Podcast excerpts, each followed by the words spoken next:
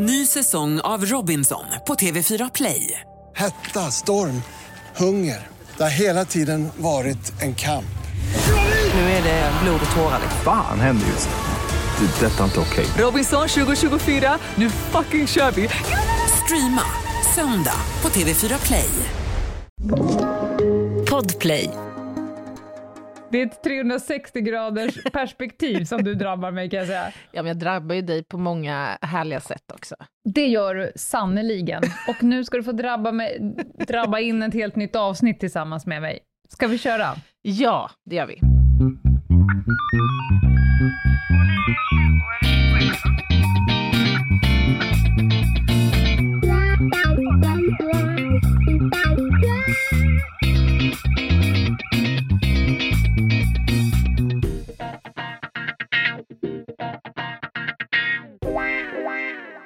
Välkomna till veckans spaning med Anna Jinghede, Lena Ljungdahl och Meta Facebook-broddare. Det är avsnitt 233 vi bjussar på idag, Lena. Vet du vad det är för dag idag? Idag är det söndag. Nej, det är måndag när de lyssnar. Och vet du vad det är för dag? Just det, då har du rätt i. Ja. eh, nej, eller vadå? An andra maj, va? Det är dan före dan Ah, för före doppare. dopparedan. Dan. Just det! Uh, nu, fick jag, nu fick jag ett påslag direkt. Anspänning och spänd skinka. Mm, lite grann. Mm. Men det är väl så det ska vara när man ska ut på turné? Jag har kommit på en sak, de brukar ju säga att genrepet ska gå jävligt dåligt, Mm. för då går ju premiären bra. Gick vårt genrep tillräckligt dåligt? Alltså det är lite oroväckande när du säger det så, för jag tyckte vårt rep kändes ganska bra. Jag gick därifrån med en känsla av, mm, det här blir nog bra. Succé. Jag var helt fel på det alltså. Doftade succé? Det kanske är, succé kanske, det kanske ändå är att skjuta lite, lite över Dit målet. vill du inte dra det. Men, men jag skulle ändå vilja säga att det kommer inte vara en besvikelse. Det kommer det verkligen inte vara. Men välkommen alla lyssnare. Det här är ju krimpoddarnas krimpodd Över min döda kropp. Men ni har ju slandat in, rattat in ett måndagsavsnitt och då är vi inte i krim eh. För att vi är ju inte bara tandläkare och morsor, utan även andra saker. Eh, och nu kan man säga så här att eh, hela vårt väsen är ju så att säga impregnerat i livepods turnépremiärsnerver. Preparationer och nerviga. Mm, Ja, så att vi kanske eh, är lite lösa i konturerna, just det. lösare i konturerna än Mm, vad vi mm. brukar vara. Och på torsdag kan jag säga på en gång, vi, vi tittade hålögt på varandra och sa så här, fan ska vi prata om på krim-torsdag den här gången? Eh, vi kan inte ens komma på ett ämne. Så att vi bad er lyssnare om att skicka in frågor till oss på vårt Instagram, Ljungdahl och Jinghede, för ett klassiskt Q&A på Mm. torsdag. Så ni som har, sitter och ruvar på en fråga, eh, ni som kanske har mejlat oss och fortfarande inte fått svar och sådär, gå in på vårt Instagram och skriv er fråga där, så ska vi försöka besvara den på torsdag. Ja, men det kommer bli jättebra. Och, och framförallt så var det ju ganska svårt att uppbringa mer än fem minuter i almanackan som vi hade eh, samtidigt. Innan vi ska ut på turné. Så det här kommer att bli ett jättebra avsnitt, men inte kanske i huvudsak krimbetonat. Av frågorna att döma så kan man säga att det är högt och lågt. Ja, Det är allt från pormask till DNA. just det. Fast det är härligt. Det, är nu, det är nu man har chansen, så att säga. Att ställa Fast frågorna. vänta, stopp! Stopp! Det kanske inte var så långt. Finns det DNA i pormask? Eh, ja, det är klart att det gör. Ja, men du ser. Vi ska nog kunna få ihop även denna torsdag. Men först är det damme tusan måndag och Meta sitter här och väntar på att få komma till tal. Ska vi släppa fram na? Släpp fram na.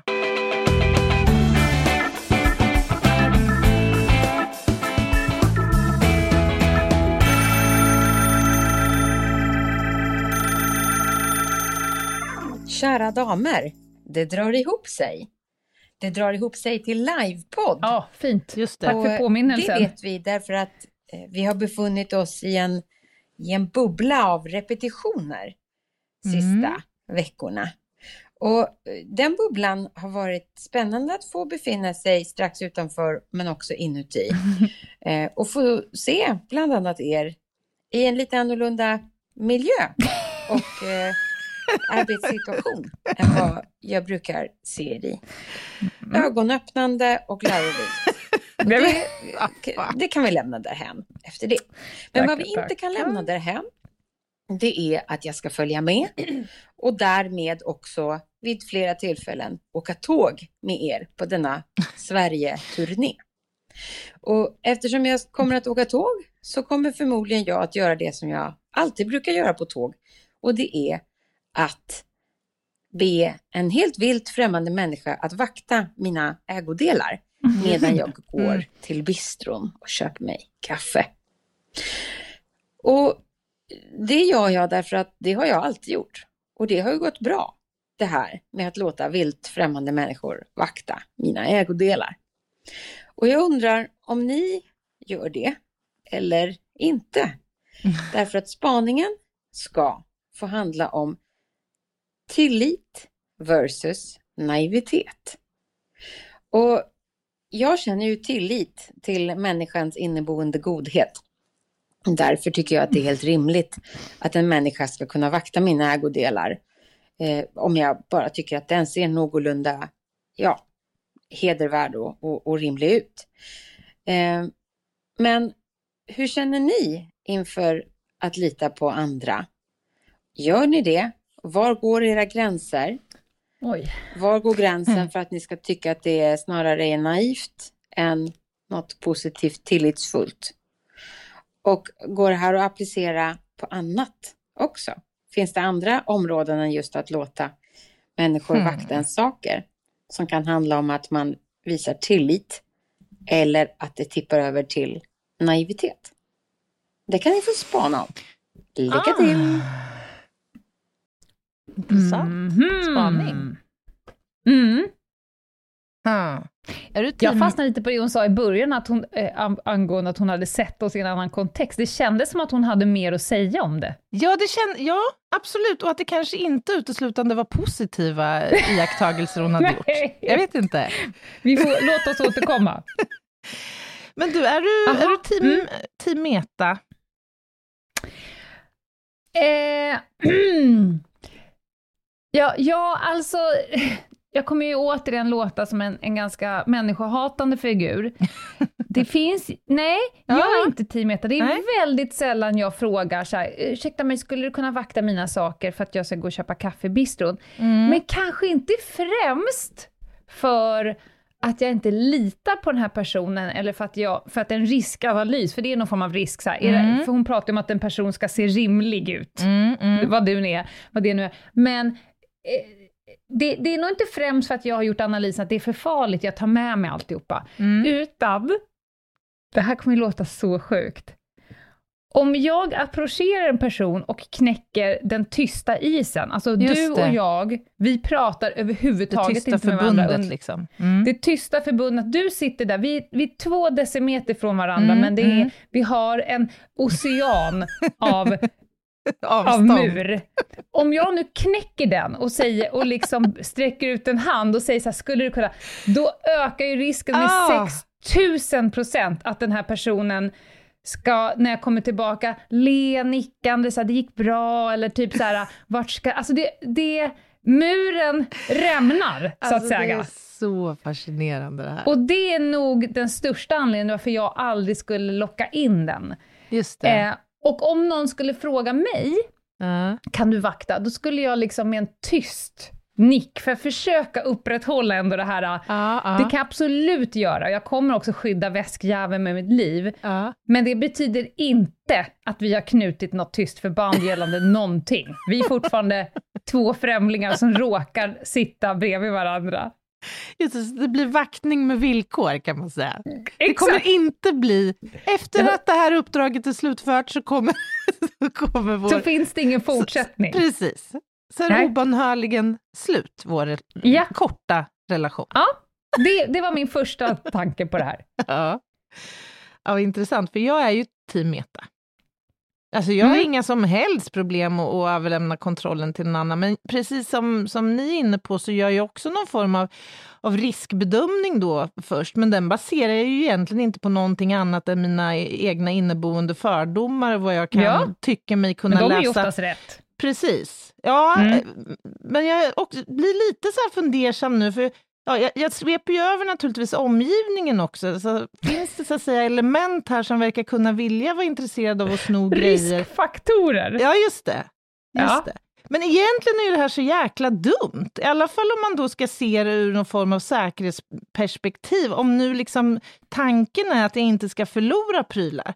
För, för, för det första då, jag tänker som, om, om jag ber den som sitter alldeles precis bredvid mig, så har ju den alla chanser i världen nu att sno mina grejer, om det skulle vara fel person.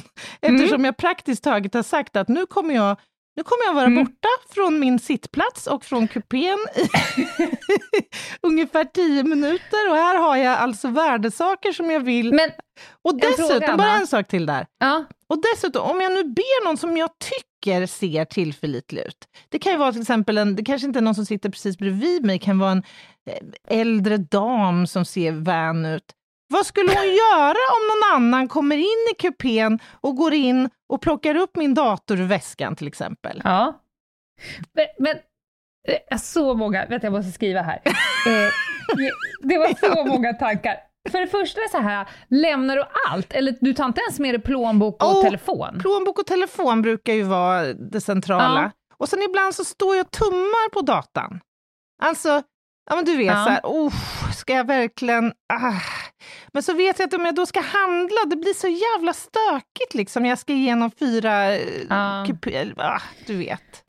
Jag krånglar med, med mig både dator, telefon och nycklar oavsett. För, alltså, bara för att säga så här, jag lämnar mina saker, men jag gör mig ju själv inte omaket att faktiskt fråga någon eller yppa någonting, utan jag, bara, jag tar med mig mina få värdefulla saker mm. och sen lämnar jag skiten och så tänker jag det tysta förbandet är ändå att den som sitter bredvid bör ju rimligen reagera om någon annan än jag kommer att börja rota mina grejer. Så jag, jag, jag, tycker att själva frågan är helt meningslös. Ja men fan vad intressant, alltså för det kanske är, så här, ur brottspreventiv synpunkt kanske är det bäst att inte säga någonting alls. Men om, om det är motsatta förhållanden då? Ja. Den här snubben som sitter bredvid dig som du tycker luktar svett, luktar illa i munnen och snarkar ja, på dig. Det vet man ju. Ja. Nej, inte så. Han, han schappar plötsligt. Han bara drar. Sen kommer en helt annan person och sticker ner näven i eh, hans väska kanske, eller tar jackan ja. bara. Hur skulle du mm. reagera? Ja, men då hade jag ingripit. Hade du det? App, app, ja. App. Du ja, men inte... det hade jag nog gjort. Vad hade du sagt då? Nej men, stopp i lagens namn, hade jag inte sagt. ja, men det är inte Nej, givet. Måste... Alltså. Nej, det är inte givet. Absolut inte givet. Men det är också så oerhört osannolikt att någon skulle göra det här.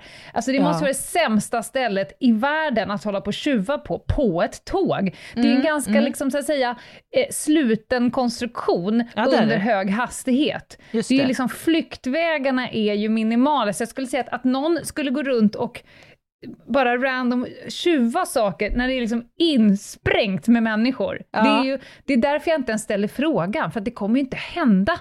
Och om det händer så får du väl, alltså, men en sak som du sa som jag tyckte var så oerhört intressant, Aha. att du kanske inte väljer den närmast dig, utan du gör en okulärbesiktning av sällskapet och väljer en annan person. Nej, nej, nej. Det hade ju varit mig. jätte det hade ju varit jätteroligt kränkman. Den som sitter bredvid får en blick och sen vänder du till den som sitter på andra sidan korridoren. Du, skulle du kunna skydda min väska mot den där som sitter bredvid mig? Det hade varit jätte, jätteroligt. Nej, nej, självklart så väljer jag ju den som sitter bredvid mig om jag får feeling på den personen, så att, ja. säga, att det känns tryggt. Men jag brukar inte heller göra någon hemlighet av att jag ska gå iväg, så gärna får fler höra det här. Alltså, så mm. jag tänker så att man kan jobba kollektivt bakom min rygg, så att säga om det nu skulle krävas ett, ett ingripande. Vem vet? Vem vet? Fy fan, du har ju brutit varenda jävla mur som finnes. Ja. Alla har ju koll på liksom Jinghedes tarmrörelse när ni väl har kommit Just fram det, till... men det känns tryggt för mig ändå på något vis. Och dessutom så har jag tre nya samtalspartners som väntar när jag kommer tillbaka. Ett poddtips från Podplay. I fallen jag aldrig glömmer djupdyker Hasse Aro i arbetet bakom några av Sveriges mest uppseendeväckande brottsutredningar. Går vi in med hemlig telefonavlyssning och, och då upplever vi att vi får en total förändring av hans beteende. Vad är det som händer nu? Vem är det som läcker? Och så säger han att jag är kriminell, jag har varit kriminell i hela mitt liv men att mörda ett barn, där går min gräns. Nya säsongen av Fallen jag aldrig glömmer på Podplay. Poddtips från Podplay. I podden Något Kaiko garanterar östgötarna Brutti och jag, Davva, dig en stor dos skratt. Där följer jag pladask för köttätandet igen. Man är lite som en jävla vampyr. Man har fått lite blodsmak och då måste man ha mer. Udda spaningar, fängslande anekdoter och en och annan arg rant. Jag måste ha mitt kaffe på morgonen för annars är jag ingen trevlig människa. Då är du ingen trevlig människa, punkt. Något Kaiko, hör du på Podplay. Därför är gardinerna. Jag måste säga så här, jag har när jag föreläser om hot och våld och säkerhetskultur och så vidare, så har jag ganska tidigt i mitt bildspel en, jag har helt enkelt ritat ett streck som en tids... Ett, ett, ett, ett horisontellt streck, mm. där det längst till vänster står naiv och längst till höger står paranoid. Och sen har jag satt ett kryss mitt på den här linjen. Och sen så, frå, så bara brukar jag beskriva att alla ni är olika. Alltså om ni ska men, försöka vänta, samarbeta... Stopp, stopp, ja. stopp. Är ja. det ett motsatsförhållande då menar du mellan eh, å ena sidan naivitet och å andra sidan paranoia? Eh, ja, när det kommer till säkerhetskultur så kan man okay. nog se det. Att det finns ju de som inte eh, larmar på företaget när de går, för de tror liksom den inneboende godheten. Varför skulle någon vilja gå in och sno våra datorer? Och ah, så finns det ju de som bär datorerna med sig hem och mm. bara, fan, som loggar ut när de ska gå och kissa. För att de mm, tänker att ingen på... Då är mm. naiv och par paranoia liksom motsatsförhållanden. Mm, och så har mm. jag satt ett kryss på den här. Och så brukar jag då prata om att ni är helt olika. Eh, på ert företag så vore det bra om ni hade en, en gemensam lägstanivå. Ni sätter, det är ingen idé om ni skaffar larm om 12% av er inte ens drar igång larmet. Då kan ni ju skita i det. Mm, mm. Eh, så. Men att ni är så olika. Och sen så har jag då satt ett kryss, bara random på det här strecket. Jag mm. brukar sätta det ganska högt upp för att jävlas. Och så, vad tror ni jag är någonstans? Och förvånansvärt ofta så tror ju de att jag ligger extremt högt på den här skalan. Aha. Alltså upp och touchar paranoia, Aha. som att jag går som Kato genom mm. livet. Eh, så. Men jag är ju väldigt lågt.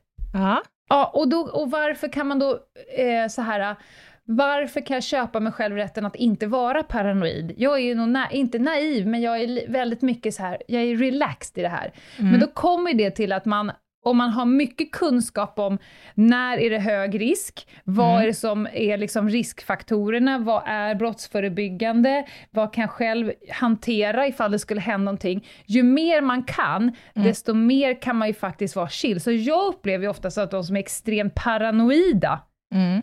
Är ju de som inte riktigt har koll. Eh, Meta säger att hon har en, en hög tro av folk inneboende liksom, godheten. Mm. De som är rädda, och det här kan man ju se i BRÅ-rapporterna, mm. så de som är räddast i samhället, det är ju de som rent, det rent statistiskt typ aldrig händer någonting. De går ändå omkring och är absolut räddast och helt säker på att de kommer bli mördade så fort de går ut på gatan. Så att, ja, jag tror att det beror på fler saker. Jag tror att en enkel... Jag älskar alltid ditt minspel. När jag drar det till någon sån här grej, då bara, man ser hur Anna så börjar, du vet, det börjar rycka olika saker. Så bara, ja, det är, alltså det är inte lika enkelt så, utan det är olika typer av faktorer. Nej, men jag tror att det kanske är lite mer komplext. Alltså jag tror det är att, såklart att det är. Att, att, att känna tillit eller då mindre paranoia, det är, ju, alltså det är ju en egenskap som dels finns i våra gener, men som ju också mm. kan påverkas, tänker jag, av våra, av våra eh, erfarenheter. Och jag tror till exempel att om vi om tilliten skadas eller vi blir skrämda eller hotade av någon i vår närhet, till exempel, så, så kommer vi eh, att få djupare spår av det än om det är någon helt random person, någon som baxar ens plånbok ja, på tunnelbanan. Såklart. Eller sådär. Men det ja, men det, det var ju det Meta sa. Om man, om man har frågat grannen på tåget, kan du passa min väska? Och vid det tillfället du blev bestulen, då kommer ju du vara en person som aldrig någonsin mer... Exakt. Eh, då kommer du släpa med dig alltihopa in i bistron. Men, Men- hon men- sa, för jag, jag gör det här för att det alltid har gått bra. Där Ja. har ju hon sin riskanalys. Exakt, men det handlar Mm. också om, tror jag, var i vårt samhälle vi befinner oss. För att mycket i vårt samhälle bygger på principer om både socialt kapital men också social kontroll. Du vet när du är Mm. ute på landsbygden till exempel, du åker förbi de här mjölkpallarna där det står ägg och jordgubbar och plantor som du kan Mm. plocka själv av och sen stoppa pengar i en burk. Till exempel. Så har ju Meta utanför sitt hus. Där kan man Precis. ta ägg och swisha om, om, om man känner för det, typ, vilket alla gör. Ja, och jag tror Mm. att om man då lever i en sån miljö eh, Mm. så kommer man hamna längre ner mot naivitets liksom, eh, ändpunkten. Mm. Eh, kontra Men- det motsatta, om man hela tiden har, omges av en risk att bli liksom, Ja. bedragen, lurad, snodd av och allt sånt där. Men är man liksom skör, Mm. en, jag vet ju en kategori personer som aldrig någonsin skulle våga ställa de här frågorna på tåget, och det är de som har den inneboende höga sårbarheten. Alltså, Men vad kommer den av då? Den Nej, men- inneboende höga sårbarheten? Ja, och den kom ju, det var ju det jag menade från början. Alltså om jag vet, om jag går hem från krogen, full, lite för höga klackar, men jag är en jävel på närstrid. Jag, jag, jag har en hög eh, tilltro till min egen förmåga att upptäcka fara. Ja. Jag har en, en, en snabb liksom, tanke i det. Då Mm. kommer jag ju vara mindre rädd än en person som tänker, för det är det här, det är det här jag enkom utbildar i. Mm. Alltså en person som tänker så här, jag kan inte det här, jag vet, jag vet inte ens hur jag ska kunna upptäcka det och om jag upptäcker det så vet jag inte vad jag ska göra, jag kommer vara rädd för mina egna stressfaktorer och så vidare. De utsätter sig aldrig för någonting. Nej. Så ju mer kunskap du har och ju bättre du är på riskanalys, ju mer du litar liksom på din egen förmåga att faktiskt ta ett adekvat beslut om vem som är att lita på eller inte, Mm. desto lugnare kan du vara. Mm. Eh, så att de här paranoia-hattarna som ser faror bakom varje hörn, de, de är ju absolut inte snabbast på att upptäcka eh, om det skulle hända någonting, för då, det är lite vargen kommer. Ja. De ser faror precis överallt. Och om man tittar på det här på populationsnivå då?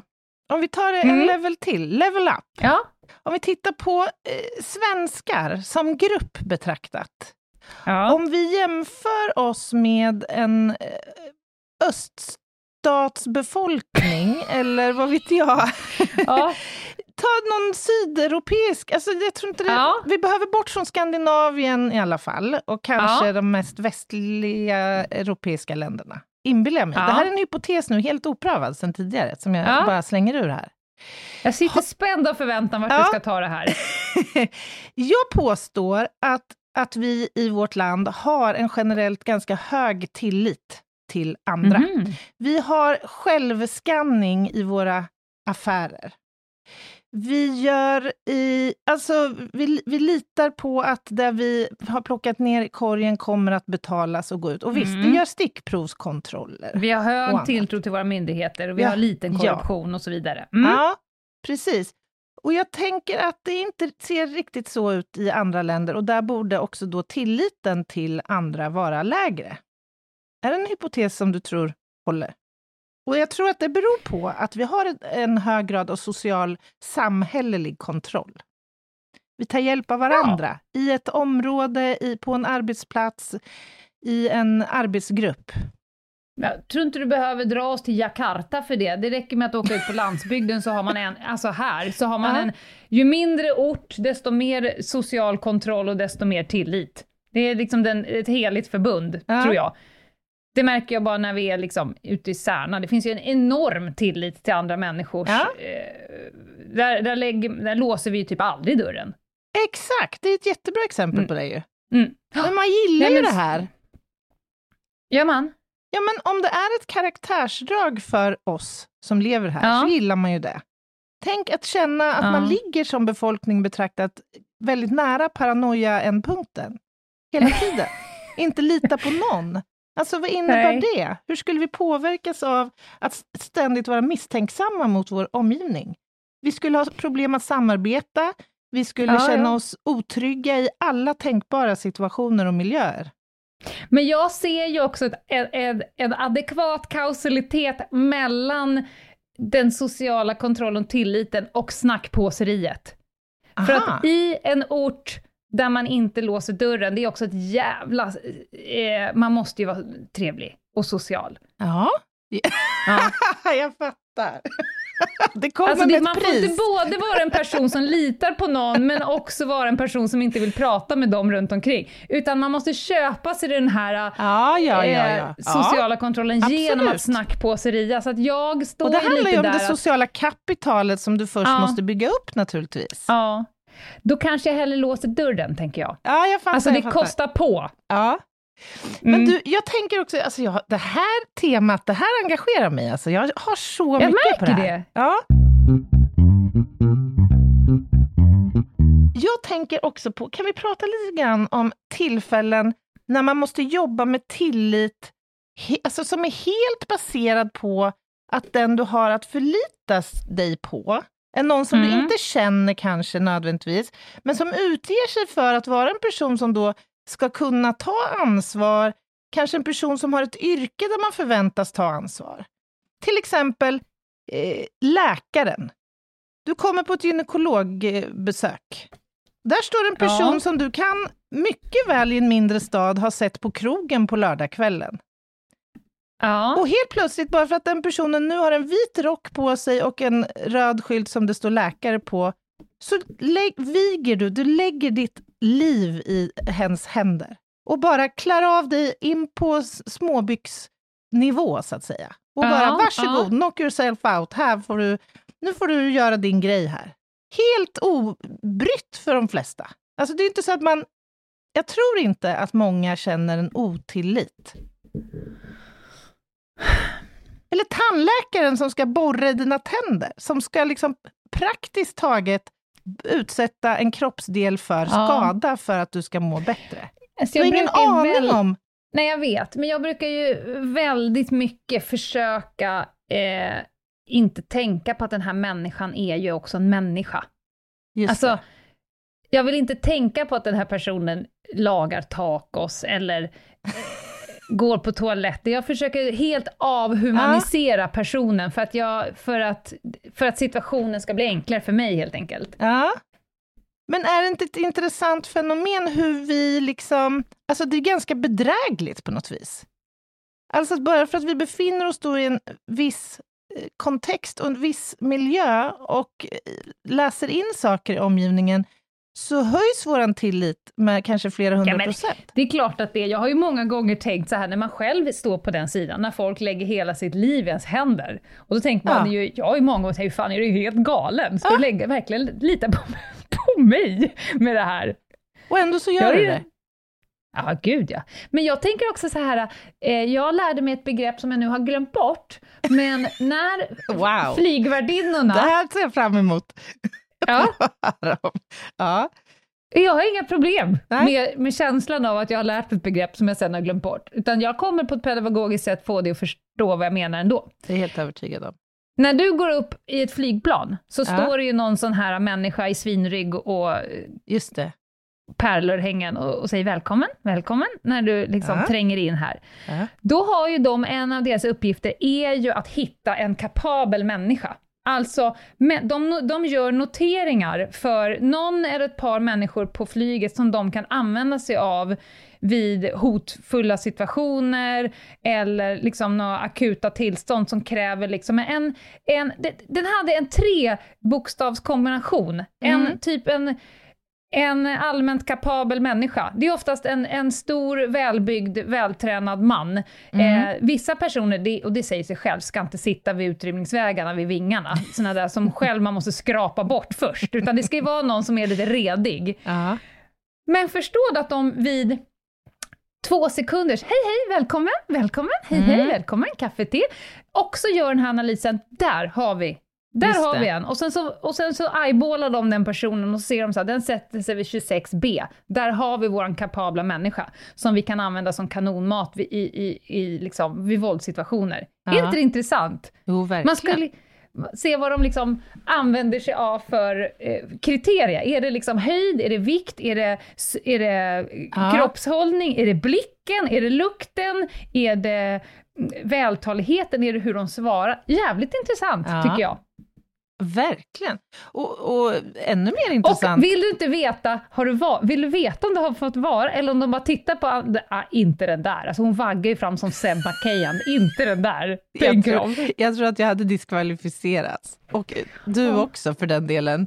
För, Oh, för du ja. hade signalerat att du känner eh, 0% tillit till den som har Exakt. att ta er upp i luften och sen ner igen Jag på tittar säkert inte ens sätt. på den när jag går på. Jag, fall, jag tittar ner, de bara, okej, där har vi en potentiell våldsverkare.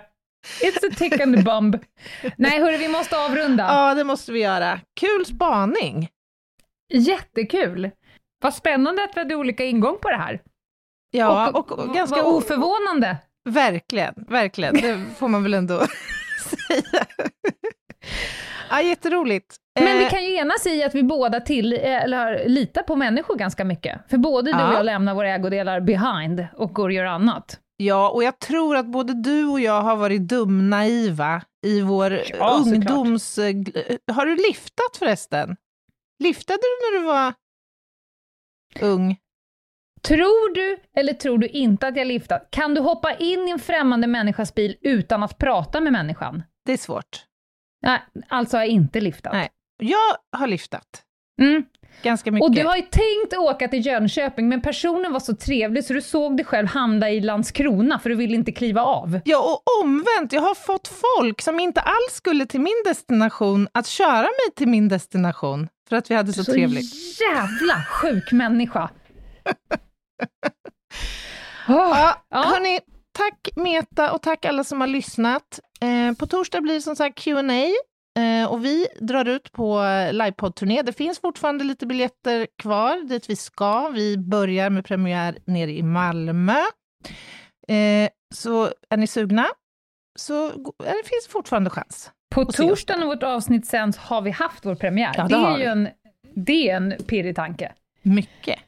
Här blir spännande. Det är typ fullt i, eh, i Örebro och Stockholm. Det finns några skvalpande biljetter i Göteborg. Det finns biljetter i Malmö och Umeå. Just det. Bra sammanfattat. Och eh, det går också bra att eh, hänga med oss på vår resa på Instagram. Ljungdahl och Ginghede. Och vill man komma i kontakt med oss så går det bra på hej at ljungdahl och ginghede.se. Grymt! Ha det gött! Ta hand om er! Ha det Bye! gott! Bye, bye!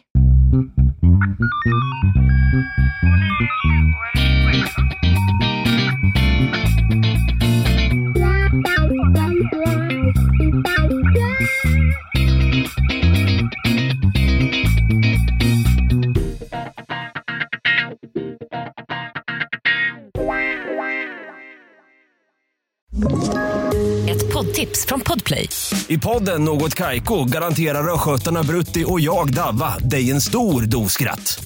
Där följer jag pladask för köttätandet igen. Man är lite som en jävla vampyr. Man har fått lite blodsmak och då måste man ha mer.